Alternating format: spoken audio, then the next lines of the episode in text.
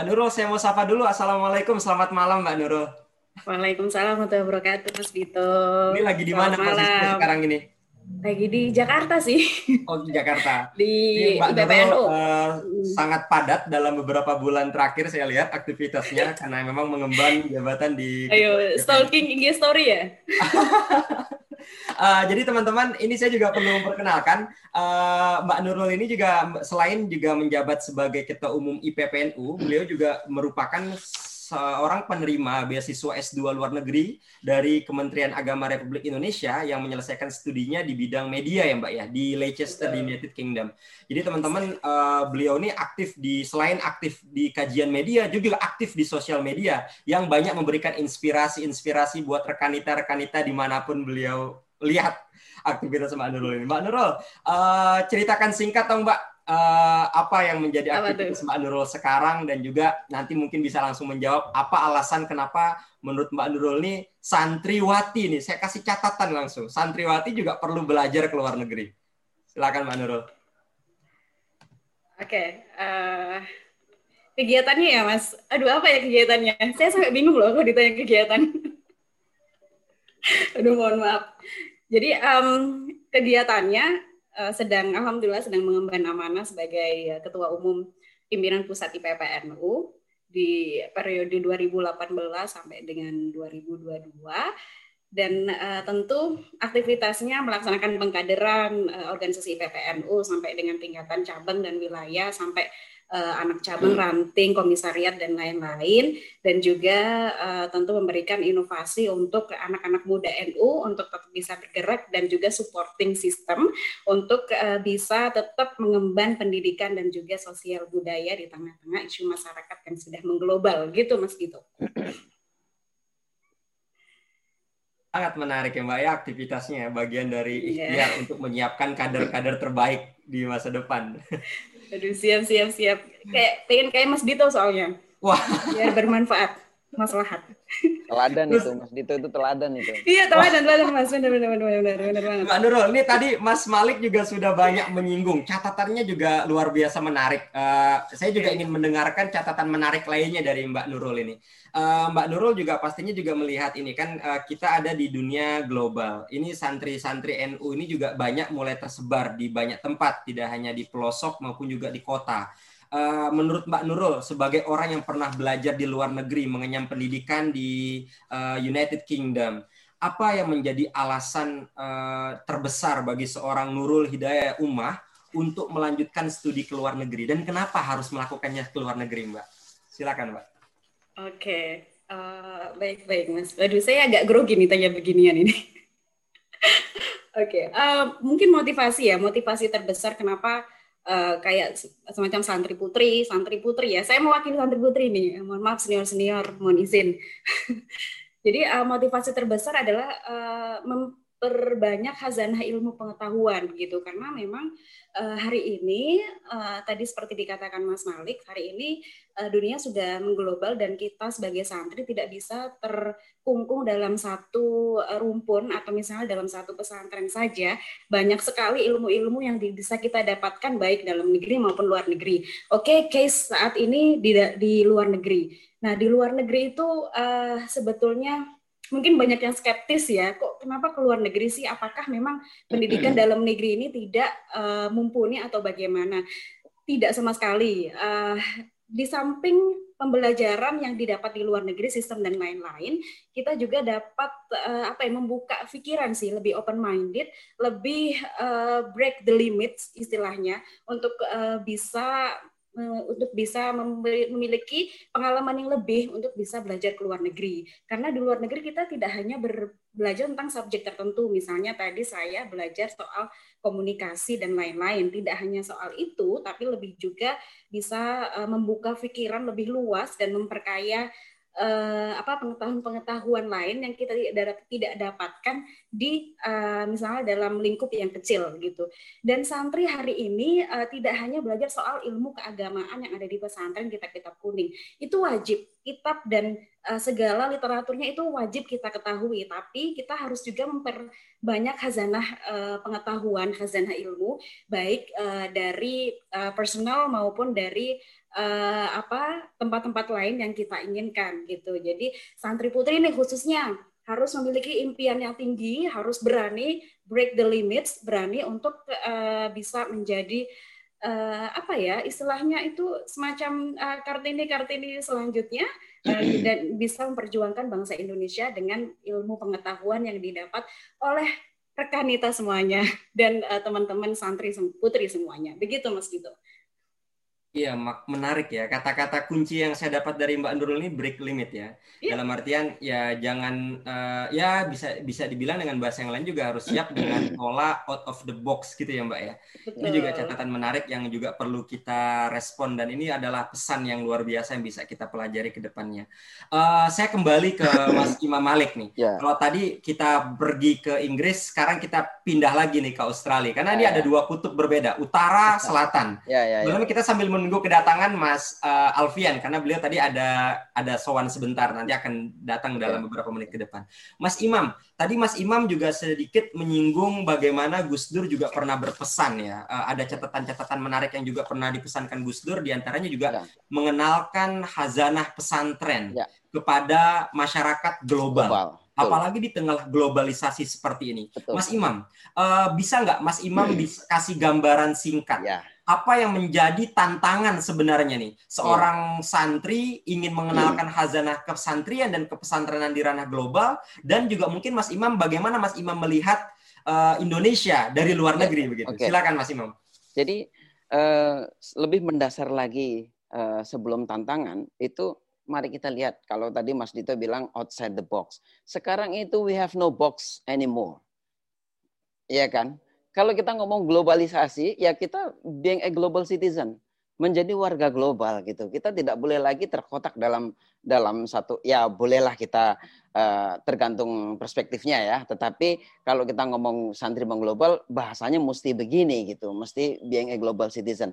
Itu yang pertama. Lalu yang kedua, contohnya bagaimana sih? Sebelum saya ngomong uh, challenge-nya, saya ngomong contoh bagaimana mengenalkan khazanah pesantren ke dunia global contohnya gimana? Kalau tadi Mbak Nurul ngomongin kitab kuning gitu, eh, kitab kuning itu mesti kita lihat sebagai eh, bagian dari khazanah yang luar biasa banyak beredar di dunia ini.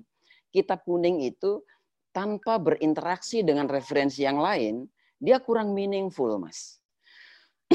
Jadi fungsi kitab kuning itu jangan dikerdilkan hanya dengan komunitas lokal kitab kuning itu harus berinteraksi dengan disiplin-disiplin yang lain agar kitab kuning itu harganya, manfaatnya bisa lebih luas. Saya kasih contoh. ini juga eh, kalau kita ngomong zaman saat ini orang eh, orang bicara personal branding, kitab kuning itu mesti kita jadikan signature branding untuk santri. Saya mendapatkan beasiswa S2 itu di UGM sama kayak uh, Mas Munawir Aziz. Saya saya bersaing dengan saya S1 saya Ibrahimi, Institut Agama Islam Ibrahimi di kampung Situbondo ujung udah dekat Selat Bali sana. Kalau saya mau bersaing dengan universitas-universitas besar pada khazanah-khazanah yang dipelajari di universitas besar, tentu saya nggak bisa bersaing. Artinya saya mengejarnya uh, terlalu empot-empotan. Sehingga saya mesti aset base. Aset yang saya miliki apa? Saya nggak bisa kita kuning, tetapi saya pernah terpapar setidaknya dibandingkan teman-teman yang lain gitu. Akhirnya ketika saya menulis tesis, riset saya tentang Mahat Ali. Di Mahat Ali itu ada sesuatu yang sangat menarik, ada komunitas yang serius sekali menekuni fikih dan dengan fikihnya itu kemudian mereka menjadi orang yang uh, eh, open minded, dia bisa menjustifikasi hal-hal yang progresif. Paul Nitter waktu itu dari Cincinnati University, dia bilang, Malik apa yang kamu lakukan itu just like make a coffee in a refrigerator. Kamu kayak bikin kopi di refrigerator. Karena karena fikih itu dianggap dianggap statis, dianggap uh, normatif, sehingga tidak bisa memberikan justifikasi pada hal-hal yang progresif. I will prove it. Saya gitu kan. Teman-teman Mahat Ali membuktikan itu. Dan saya bawa cerita tentang Mahat Ali itu ke sana. Kalau teman-teman di uh, mungkin teman-teman di Oxford tahu Michael Finner yang ahli uh, hukum Islam. Michael Finner itu pernah datang ke Mahat Ali. Hmm. Saya kira itu karena promosi saya. Ketika saya jemput dari bandara uh, Adi Sucipto ke UGM hanya beberapa menit gitu, saya dapat challenge meyakinkan profesor ini agar dia datang ke Mahat Ali. Michael Finner datang ke Mahat Ali lewat penerbangan dari Bali kalau saya nggak salah. Hmm. Dan dia cerita itu. Ini menurut saya eh, menariknya kita di pesantren. Lalu eh, challenge-nya apa?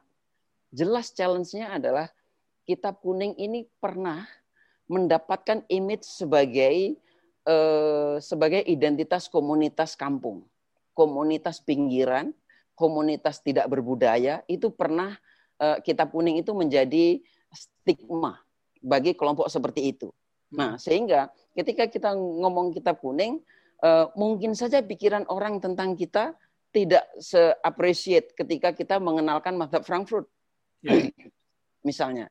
Nah, tetapi eh, ketika kita bisa menunjukkan gitu, uh, ketika kita bisa menunjukkan uh, ada hal yang menarik itu, uh, maka orang akan melihat itu. Ini uh, saya mau cerita sedikit. Saya dengan Michael Finner itu pernah menemui almarhum Muslim Abdurrahman. Muslim Abdurrahman waktu itu mengatakan begini, anak NU ini brilian. Sayang mereka ini nggak mau sekolah. Jadi dulu mas, dulu pernah anak muda NU ini dianggap anti anti sekolah dulu. Begitu ya? Lalu, ya? Itu iya, siapa yang bicara itu mas? Muslim Abdurrahman. Muslim Abdurrahman. Muslim, ya, Muslim Abdurrahman itu kalau nggak salah itu ya kayak tokoh spiritualnya teman-teman intelektual muda Muhammadiyah di zaman hmm. itu ya. Hmm. Sekarang udah almarhum. Saya diam gitu. Saya waktu itu saya nggak merespon, saya hanya mendengar saja dia ngomong. Kemudian di taksi, Michael Finner mengatakan begini, saya kira Muslim Abdurrahman itu nggak ngerti pesantren, kurang kurang memahami pesantren. Tapi bahasanya sangat halus ya, nggak sevulgar saya. Karena eh, di pesantren itu ada ilmu bermacam-macam, ada filsafat, ada eh, sosiologi, ada astronomi, yang itu juga ada di sekolah-sekolah. Mungkin Muslim Abdurrahman mengira orang-orang NU itu nggak ngerti yang begitu-begitu sehingga dia menyesalkan mengapa anak muda NU nggak mau sekolah. Muslim Abdurrahman nggak ngerti kayaknya kalau di pesantren ada itu. Tuh kan, saya Michael Finner saja yang orang Amerika jadi profesornya di Singapura sama di Oxford, dia punya khusnudon sedemikian rupa terhadap komunitas pesantren. Saya hanya diam kan, saya dikira ngerti astronomi, saya dikira ngerti nahwu, dikira ngerti ya saya diam. Saya pakai ilmunya Kiai Said, kalau dikira wali diam saja gitu.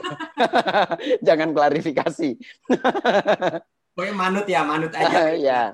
Tapi saya kira Kang Muslim kurang tepat juga mengatakan anak muda NU nggak mau sekolah. Mungkin dulu kesempatan belum terbuka seperti sekarang. Sekarang ya. kesempatan terbuka, kita semua bisa bersaing dengan sangat fair. Gitu ini ada ini refleksi masa lalu yang juga saya rasa masih relevan sampai hari ini, Mas yeah. Malik. Karena memang pesannya jangan pernah berhenti belajar. Yeah. Begitu ya. Itu yang juga selalu diingatkan Gusmus ya. Uh, Betul. Engkau sampai kapan pun, yang penting uh, boleh berpandangan bagaimanapun. Kuncinya satu, jangan pernah berhenti belajar. Wah, definisi belajar ini kan menarik ya. Benar. Tadi Mas Malik juga menyampaikan di awal. Terus Mas Malik uh, bisa kasih gambaran singkat nggak Mas? Apa yang menjadi catatan uh, menurut kacamata Mas Malik nih ya uh, tentang perbedaan pendidikan yang Mas Malik rasakan di Australia dengan model pendidikan yang sekarang uh, ya sorry dengan pendidikan yang pernah Mas Malik rasakan sebelumnya di pesantren maupun juga di UGM di kampus-kampus ya. lain? Ya ada persamaan. Uh, saya tidak tahu kalau di level yang yang uh, di bawahnya ya kan saya sekarang PhD. Ya. Uh, tapi yang saya tahu dulu ketika saya penelitian Mahat Ali itu hal yang paling membuat Mahat Ali sukses itu karena ada musrif, ada ustadz pendamping. Nah, di Australia itu ada student zone itu eh, tempat tutor matematika, sains, bahasa, dia duduk di situ menunggu orang yang datang bertanya. Itu mirip sekali dengan musrif waktu saya di pesantren musrif itu dulu musrif saya itu Ustadz Imam Nakhoi yang di Komnas Perempuan itu. Nah, itu musrif saya pertama. Setelah jadi musrif saya lalu jadi guru saya. Nah, itu vital sekali. Nah itu kesamaannya. Hal yang yang uh, menurut saya sangat berbeda. Kalau di pesantren kita sangat taat pada literatur, artinya kita mau membaca apa itu ada catatannya. Kalau kelas kalau uh, apa kita tahu gitu loh kitab ini, kitab ini, kitab ini, kitab ini yang kita baca. Kalau ditanya sudah ngaji ini apa belum, kita kita bisa ngerti uh, pada level apa dia sedang belajar. Sedangkan di Australia kalau kalau PhD gitu kayak saya kayak dibiarkan saja uh, semua cara berpikir saya dihargai, saya menulis apa saja dihargai, lalu pembimbing mensortir dengan bertanya, dengan bertanya uh, tentang catatan-catatan saya. Kalau saya bisa meneruskan cerita dan bisa mempertanggungjawabkan cerita saya, maka go. Kalau saya kesulitan, dia nanya saya, kamu mau mencari argumennya atau you drop the information? Yeah. Nah, kalau saya mau mau meneruskan informasinya, dia bantu mungkin literaturnya ini ini mungkin kamu bisa baca. Tapi kalau kamu merasa uh, nggak yakin, you drop the information. Ya, informasinya di drop saja, kita ganti info yang lain. Jadi sangat mandiri ya kalau ngomong fasilitas Australia memang memang kata teman-teman nomor satu dunia karena memang mahal banget ya di Australia itu student itu sangat sangat sangat dimanjakan okay. sangat kata-kata student sangat dimanjakan ini jangan ditafsiri negatif Contoh. nih sama teman-teman. Ya. Kiranya dimanjakan apa-apa dikasih, dikasih makan, dikasih gitu enggak ya Mas ya? ada benarnya. Iya. Ada benarnya. Jadi di Australia hampir di semua kampus seminggu sekali itu ada makanan free, ada makan siang free, ada yang sarapan free. Hmm. Itu itu uh, disediakan oleh volunteer, ya. ya, disediakan oleh kampus dan pada masa Covid ini profesor-profesor saya yang gajinya tinggi itu dipotong besar-besaran, tapi potongannya untuk menyumbang biaya hidup student. Berarti ya hampir nggak ada gap ya mas antara orang yang kaya dengan yang miskin gitu. Nah itu dia menariknya. Yeah. Di Australia itu karena uang nggak bisa bicara kan, jadi okay. orang kaya dan orang yang yang biasa itu nggak kelihatan. Kalau di Indonesia kenapa kelihatan? Di Indonesia itu karena hal-hal mewah itu hanya bisa dimiliki orang kaya. Yeah. Misalnya fitness hanya orang kaya, berenang di kolam renang yang bagus hanya orang kaya, golf hanya orang kaya, olahraga yang nyaman hanya orang kaya. Di Australia itu kolam renang ada di publik ada, hmm. kemudian golf publik ada, fitness yang publik yang terjangkau juga ada, sehingga ya memang nyaris nggak kelihatan. Ya. Ini kalau Mas Malik cerita seperti ini nanti panjang Mas. Uh, saya rasa kita cuma bisa berdoa aja nih santri-santri yang di sini kan dapat kesempatan ke Australia dalam waktu dekat deh ya.